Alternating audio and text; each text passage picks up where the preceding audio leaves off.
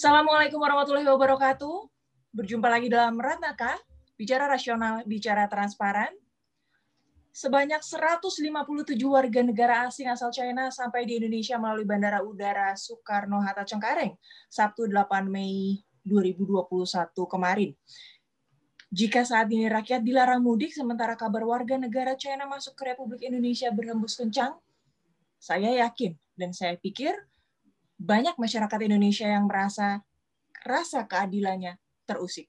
Saat ini telah hadir bersama dengan kami Bapak Fadlizon, Ketua Badan Kerjasama Antar Parlemen DPR RI, dan politisi dari fraksi Partai Gerindra. Assalamualaikum Bapak. Waalaikumsalam warahmatullahi wabarakatuh. Apa kabar? Alhamdulillah baik, terima kasih.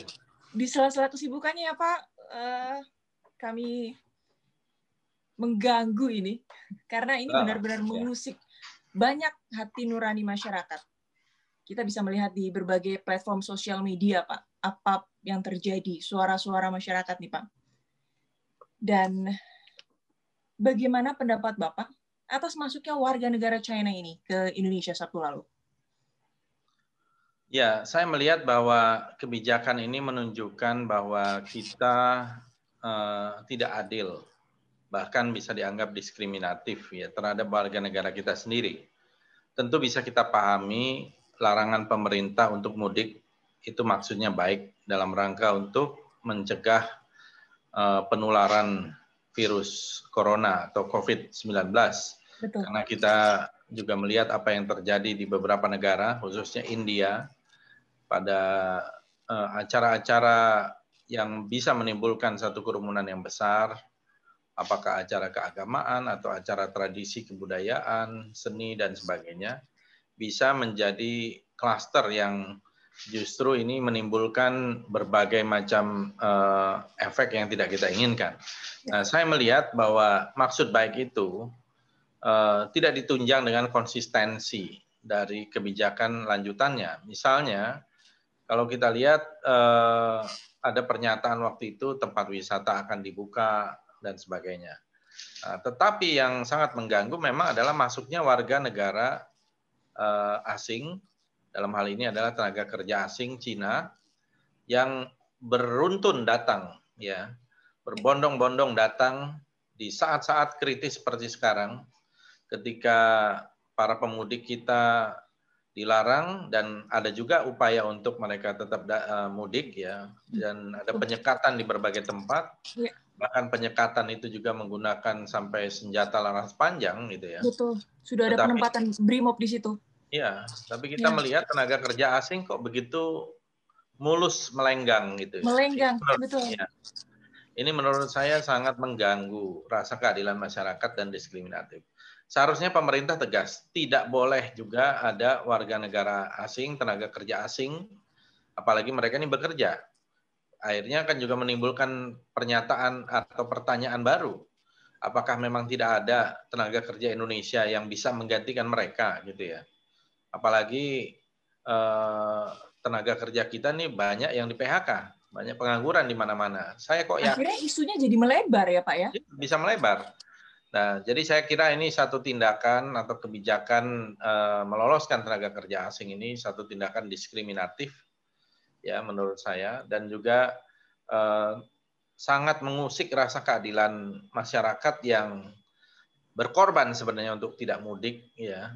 Tetapi yang tenaga kerja asing ini eh, bisa bebas gitu datang ke Indonesia dan ke tempat bekerja kita tahu bahwa jawaban dari pihak pemerintah sementara ini katanya itu mereka untuk bekerja. Sama kan? Kalau misalnya orang yang bekerja uh, atau mau mudik itu sebenarnya juga meningkatkan ekonomi kalau kita berargumentasi seperti itu. Betul. Yang mudik itu membawa banyak uh, apa dana yang mereka sudah bekerja setahun dibawa ke kampung halaman. Ini menggerakkan ekonomi di kampung halamannya, di desa-desa. Ada perputaran roda ekonomi di situ. Iya, betul. Jadi saya kira kebijakan kita ini tidak holistik ya, tidak terintegrasi. Jadi kalau uh, dan tidak konsisten. Jadi kalau kita mau konsisten ya sudah larang mudik larang semua, termasuk tidak ada tenaga kerja asing yang masuk uh, ke Indonesia untuk sementara ini. Inkonsistensi itu sebenarnya sudah ada indikasinya sejak awal, Bapak. Seperti yang kita ketahui, di saat masyarakat dilarang mudik, tempat piknik dibuka. Inkonsistensi itu sebenarnya sudah terjadi di awal, dan bagaimana ketidaksiapan, ketidaksigapan pemerintah dalam mengatasi ini. Jadi sebelum tanggal 6 Mei pun sudah ada penumpukan. Betul. Pada saat 6 hingga kita tidak tahu nanti 17 Mei itu penyekatan pun bisa bobol ini Pak. Dari dua hingga tiga hari ini, penyekatan pun bobol. Ini tidak hanya inkonsistensi, tetapi juga ketidaksiapan dari seluruh stakeholder terkait ini. Bagaimana Pak? Ya, saya melihat bahwa uh, ini merupakan satu masalah ya yang terjadi juga dalam sektor-sektor lainnya. Tidak ada koordinasi. Ya. Tidak ada satu penggodokan terhadap kebijakan itu secara matang dan tuntas. Ya, dan terlalu banyak lembaga institusi yang uh, berbicara berbeda satu sama lain, padahal sama-sama lembaga atau institusi pemerintah. Nah, ini yang menurut saya men menciptakan uh, distrust atau ketidakhirnya kepada kebijakan itu walaupun maksud kebijakan itu baik, ada distrust, akhirnya mereka uh, melihat bahwa ini tidak ada keberpihakan pemerintah terhadap uh, kepentingan dari masyarakat, terutama mereka yang ingin mudik, ketemu orang tua, ketemu keluarga gitu ya. Meskipun uh, saya kira itu sangat beresiko. Tapi kalau tenaga kerja Cina ini dikatakan di karantina, bagaimana kalau para pemudik juga mengatakan mereka siap di karantina, misalnya, ya. gitu ya. Kalau misalnya dikatakan mereka juga harus tes, bagaimana kalau dikatakan juga mereka juga bisa menggunakan tes yang sama. Jadi ini menurut saya eh, pemerintah sebenarnya di dalam level pelaksanaan itu akhirnya mengamputasi kebijakannya sendiri dan maksud yang tadinya baik untuk Eh, mencegah penularan COVID yang lebih meluas. Tujuannya memang baik, Pak, pemerintah. Cuman memang koordinasinya sedikit kurang dan butuh sekali koordinasi yang cepat, di kerjasama yang cepat. Karena setelah Lebaran pasti ada arus balik. Yang seperti itu, Pak. Ini bagaimana? Ya, itu yang saya katakan. Artinya kita ini eh, sepotong-sepotong atau tambal sulam ya di dalam menerapkan kebijakan itu. Kebijakannya sudah tambal sulam, penerapannya juga demikian. Coba kalau kita lihat pernyataan-pernyataan sebelum tanggal 6. Tadinya kan ada yang bahkan yang memfasilitasi bagi yang mudik sebelum tanggal 6 dan sebagainya gitu ya. Ya. Jadi eh, akhirnya masyarakat mudik lebih awal kan. Jadi mudiknya Betul. sudah terjadi sebenarnya. Sebelum, Tetap saja ada penumpukan. Bahkan setelah tanggal ini? 6 tetap saja ada penumpukan gitu ya. Mungkin volumenya saja yang yang berkurang, tapi kan sudah terjadi. Ya. Artinya uh, ini kan tidak sesuai dengan harapan dari pemerintah sendiri gitu. Berarti kemungkinan akan ada klaster-klaster baru kita kita tidak mengharapkan seperti itu, tetapi kemungkinan akan ada klaster-klaster baru di daerah di mana ya. rumah sakit atau uh, fasilitas kesehatan pun juga belum cukup mumpuni dan memadai loh, Pak itu cukup diwa, harus diwaspadai juga. Ya, Ini kan dampak-dampak ikutan lagi atas inkonsistensi yang di awal itu. Menurut saya harus kita antisipasi lah itu ya. Harus kita antisipasi hmm. uh, bisa terjadi lonjakan. Mudah-mudahan ya. uh, tidak terjadi dan kita berharap itu tidak terjadi. Tapi kita lebih bagus istilahnya itu dalam bahasa Inggris itu prepare for the worst, hope for the best gitu ya. Kita berharap Prepare for the worst, hope for the best. Ya. Artinya kita harus menyiapkan yang terburuk kalau datang. Artinya apa? Terjadi penularan. Artinya harus segera disiapkan dari sekarang. Rumah sakit-rumah sakit, ICU, jangan lengah gitu ya. Jangan sampai nanti kita kekurangan tempat untuk merawat ya rumah sakit dan sebagainya, hmm. obat-obatan, vitamin dan seterusnya. Ya, tapi kita tetap berharap yang terbaik. Yang terbaik itu artinya ya tidak ada lonjak lonjakan. Itu kita, yang kita harapkan.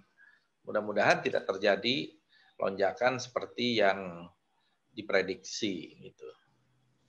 Pak, terkait dengan uh, Badan Kerjasama Antar Parlemen nih, saya jadi penasaran nih uh, sejauh ini bagaimana Bapak berkoordinasi dengan parlemen di China maupun parlemen di India kaitannya dengan pandemi COVID-19 ini. Kita ikuti dalam segmen kedua.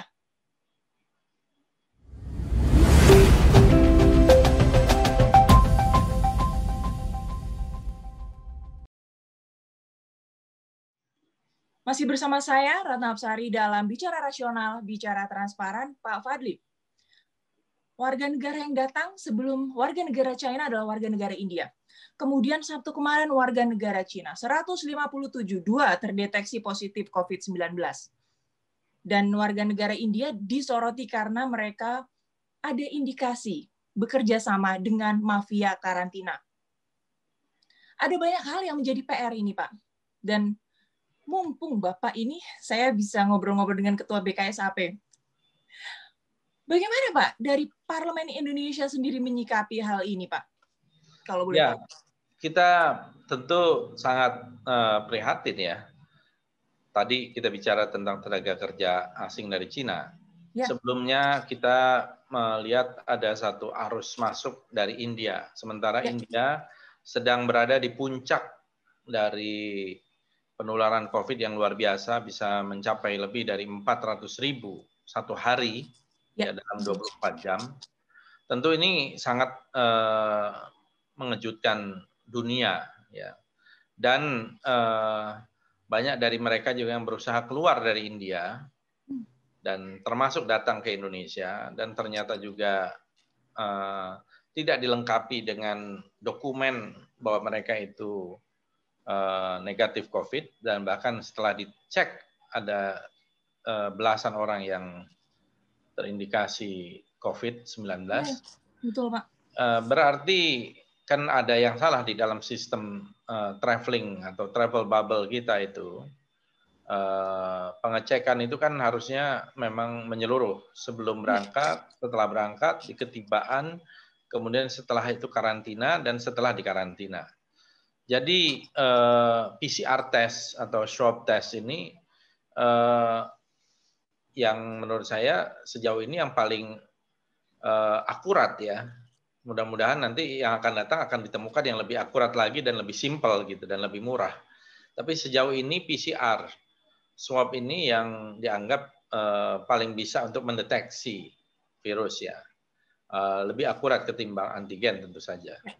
Nah, Eh, saya melihat masalah kemarin juga di dalam kesempitan selalu ada orang yang memanfaatkan, ya mengail di air put. Mensiasatinya nah, itu jahat, Pak.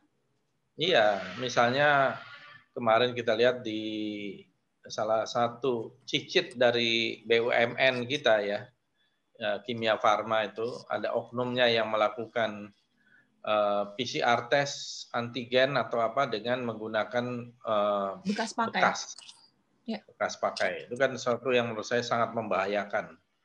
Orang bisa salah yang harusnya positif jadi negatif masuk ke misalnya pesawat bisa menularkan orang lain di pesawat dan seterusnya. Dan tentu saja barang itu saja bisa menularkan ya. Jadi belum lagi seperti uh, di uh, apa uh, bandara dan sebagainya. Bisa warga Bandara negara Soekarno Hatta Pak, ada mafia karantina juga. Ya. Itu Bandara, PR juga. Itu PR juga nggak sih Pak buat BKSHP itu Pak? Ya menurut saya itu saya, itu PR ya. Loh, saya tanya gitu kan. Hmm, apa ini jadi PR juga nggak ya buat BKSHP? Kapan-kapan kalau ketemu parlemen Cina, kapan-kapan kalau ketemu parlemen India, uh, ada kesempatan untuk bicara bahwa Indonesia keberatan dengan hal ini gitu loh Pak.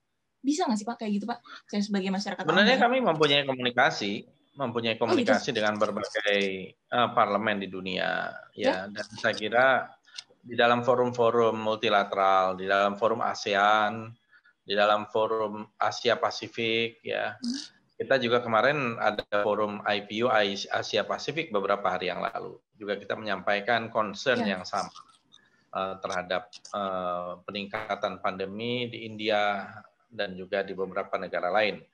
Jadi uh, kalau itu kan uh, memang ada di level eksekutif ya. Ya. Uh, karena jadi bukan. Ini hanya menekankan saja ya kalau dari parlemen ya. Ya, kecuali misalnya itu terkait sebuah perjanjian nanti travel bubble hmm. itu kita akan itu bisa oversight gitu. Bagaimana sih yeah. kalau kita sudah ada travel bubble itu uh, regulasi kita kalau terbang dan bekerja sama dengan negara-negara yang sudah mulai membuka negaranya, hmm. persyaratannya apa saja, regulasinya apa saja, prosedurnya seperti apa gitu. Nah ini yang saya kira nanti kita bisa terlibat atau misalnya di dalam hal persoalan vaksin dan sebagainya ya saya kira kita juga sangat mendukung sebenarnya kebijakan pemerintah untuk kepentingan ya. nasional. Jadi meminta atensi untuk bisa mendapatkan vaksin lebih banyak lagi, meminta atensi juga untuk lebih memperhatikan pandemi COVID-19 di negara masing-masing. Jadi saling menjaga ya antar parlemen itu ya Pak ya. ya? Sekarang semua saling menjaga saya kira. Ya. Udah sampai pada level kesadaran itu. Pak, uh, sebelum saya dialog dengan Pak Fadli, saya sempat tanya sama uh, netizen di sosial media saya saya besok akan ngobrol dengan Pak Fadlizon. Kalian hmm. akan menanyakan apa gitu kan mengenai mudik ini? Mereka rata-rata menanyakan, Pak, kenapa sih mudik nggak boleh, tapi piknik boleh dan warga negara asing boleh masuk? Terus kita kapan ketemu orang tuanya? Lebaran tahun lalu kita nggak datang. Lebaran tahun ini kita juga ditahan lagi. Terus kita bagaimana gitu? Rata-rata pada seperti itu. Itu bagaimana Pak? Suara hati masyarakat ya. loh Pak. Ya ini yang juga kita suarakan kepada pemerintah supaya uh, memperhatikan aspirasi ini kan, uh, apalagi uh, mereka yang taat atau yang tertib kan, memang akhirnya dianjurkan tidak tidak mudik. Ya, tetapi Tapi kalau kan jadi misalnya, terlalu banyak berkorban, Pak. Makanya Masyarakat jadi terlalu banyak berkorban gitu loh. Jadi, loh, saya sudah berkorban, kok situ nggak konsisten ya? Kan sepertinya jadi seperti itu gitu loh. Betul, betul. Makanya ini sebenarnya merugikan pemerintah sendiri. Apa sih susahnya sekarang ini hmm. dengan satu lembar kertas sebenarnya bisa pemerintah itu mencegah masuknya tenaga kerja asing dari Cina untuk sementara waktu. Sementara kita melarang mudik kepada masyarakat, pada saat yang sama juga kita melarang warga negara. Berapa Berarti lama yang sih? dipertaruhkan adalah trust kepada masyarakat kan? Eh kepada pemerintah iya. kan, Pak? ada iya, trust pada pemerintah yang di, dicederai kan? Iya, jadi perasaan keadilan masyarakat itu, apalagi sekarang masyarakat kita tuh aksesnya tidak terbatas ya pada oh. media sosial yang begitu luas ya dan banyak di mana-mana. Jadi sebaiknya pemerintah benar-benar hati-hati sekarang ini mengambil kebijakan apa pun, bahkan berkata apa pun karena salah-salah kata saja bisa menjadi bagian dari kritik ya Ya seperti kemarin. Jangan salah Pak, Bipang Ambawang aja bisa mereka telusuri loh Pak. Loh iya makanya uh, sekarang ini mudah. Uh, seperti presiden kemarin uh, mengatakan itu, yang salah ya menurut saya pembuat teks atau konseptor dari teks Siapa? itu tidak sensitif gitu melihat bahwa dalam kaitan dengan Lebaran itu ya tentu yang dipromosikan seharusnya yang menjadi tradisi bagi Lebaran ketupat lebaran apa gitu ya. Jadi mestinya memang super hati-hati gitu di dalam mengambil kebijakan apa pun termasuk uh, ketika soal mudik. Apakah penetapan tanggalnya seperti itu, apa kompensasinya dan seterusnya. Jadi supaya masyarakat merasa uh, adil gitu ya. Karena mereka sudah berkorban. Sebagian lagi masuk sinergi mereka. kementerian dan lembaga. Iya. Jauh hari sebelumnya. Iya. Pak, kalau sudah tanggal sekarang sudah tanggal 10, Pak. Kalau sudah seperti ini, apakah masih ada kesempatan, Pak? Apa yang harus dikoreksi oleh pemerintah dalam waktu dekat ini dari 10 sampai 17 Mei dan setelah 17 Mei menghadapi arus balik dan menutup akses para warga negara asing ke Indonesia untuk sementara waktu? Apa ya, menurut yang saya masih ada waktu, tutup saja. Hari ini pun bisa kok tidak boleh ada masuk warga negara asing uh, dari negara-negara yang memang pandeminya sedang tinggi, termasuk dari TKA Cina. Ya, kalau mereka memang wajib masuk karena ada ur urgensi tertentu, misalnya mengoperasikan alat yang orang Indonesia di antara 273 juta ini nggak ada yang mampu, ya, memang harus didatangkan dari Cina. Ya, ya tundalah dua minggu, tiga minggu gitu ya, dua minggu, tiga minggu, saya kira wajar gitu. Ah, ketimbang kemudian seperti uh, mengolok-olok mereka yang tidak mudik sementara TKA Cina seenaknya bisa masuk ke dalam negeri. Betul. Itu bisa dilakukan dengan cepat.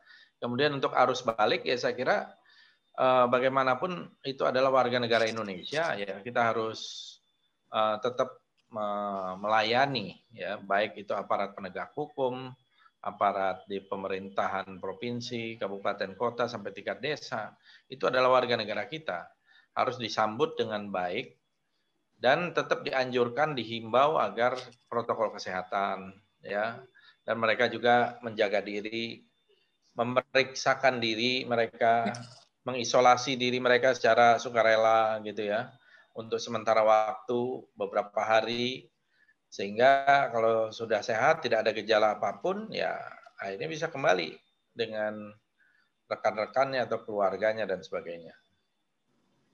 Dan tetap ada tracing ya Pak? Ada tracing untuk warga yang sebelum tanggal 6 Mei itu sudah pada ke kampung halaman terpencar ya. masing-masing itu tetap harus ada tracing, ada Kalau pelaporan dari kepala lingkungan setempat. Idealnya kan harusnya dites lagi, idealnya. Hmm, ya.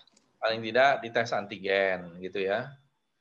Uh, sehingga uh, nanti kalau ada yang ternyata COVID, ya baru bisa dilakukan tracing. Jadi testing itu tetap perlu. Baik. Kuncinya hmm. untuk menanggulangi masalah ini kan adalah testing tes aja dulu gitu ya. Jadi kita baru bisa baru tracing. tracing, baru kemudian treatment gitu. Baik. Bapak, untuk yang terakhir, uh, closing statement dari Bapak Fadlizon sebagai Ketua Badan Kerjasama Antar Parlemen, sekaligus politisi fraksi Gerindra, uh, wakil rakyat Indonesia yang juga merasakan bagaimana masyarakat merasa ada rasa ketidakadilan di sini. Ada rasa trust, kepercayaan yang dicederai di sini oleh pemerintah. Kita tidak bisa menafikan itu, Pak. Ya. Apa closing statement dari ya, Pak mudah-mudahan ini menjadi sebuah pelajaran ya bahwa di atas segala kepentingan lain, kepentingan masyarakat ini harus diutamakan. Kita juga mengutamakan kesehatan bagi masyarakat tentu saja. Tapi dalam menanggulangi ini harus pas, harus proporsional dan harus ada konsistensi ya terutama uh, mereka yang sudah berkorban ini merasa ada keadilan. Oh iya, saya paham. Memang kita dilarang mudik dan juga semuanya tidak boleh masuk ke Indonesia. Kan enak gitu ya. Tidak ada warga negara Cina, TKA Cina yang masuk. Ya, akhirnya mereka juga merasa lega, legowo gitu ya. Nah, ini yang yang sekarang ini hilang. Ya mudah-mudahan pemerintah bisa mengoreksi ini. Dan kalau ada pihak-pihak yang memang begitu berkuasa sehingga TKA Cina ini tidak bisa di-stop, saya kira ini menjadi bahan pertanyaan berikutnya nanti juga hmm. kalangan-kalangan DPR ada apa dengan TKA Cina? Kenapa kok mereka begitu berkuasa? Sebenarnya siapa tuan rumah di negeri kita ini? Begitu. Terima kasih. Apakah orang di belakang itu ataukah masyarakat sepenuh-penuhnya pemilik negara ini gitu ya Pak ya? Iya. Pak Fadli, terima kasih banyak. Terima kasih. Terima kasih. Bergabung bersama Bicara Nasional, Bicara Transparan. Terima kasih. Bapak Fadlizon, terima kasih. Wakil rakyat dari daerah pemilihan. Jawa Barat 5, Kabupaten Bogor. Assalamualaikum warahmatullahi wabarakatuh. Terima kasih Bapak.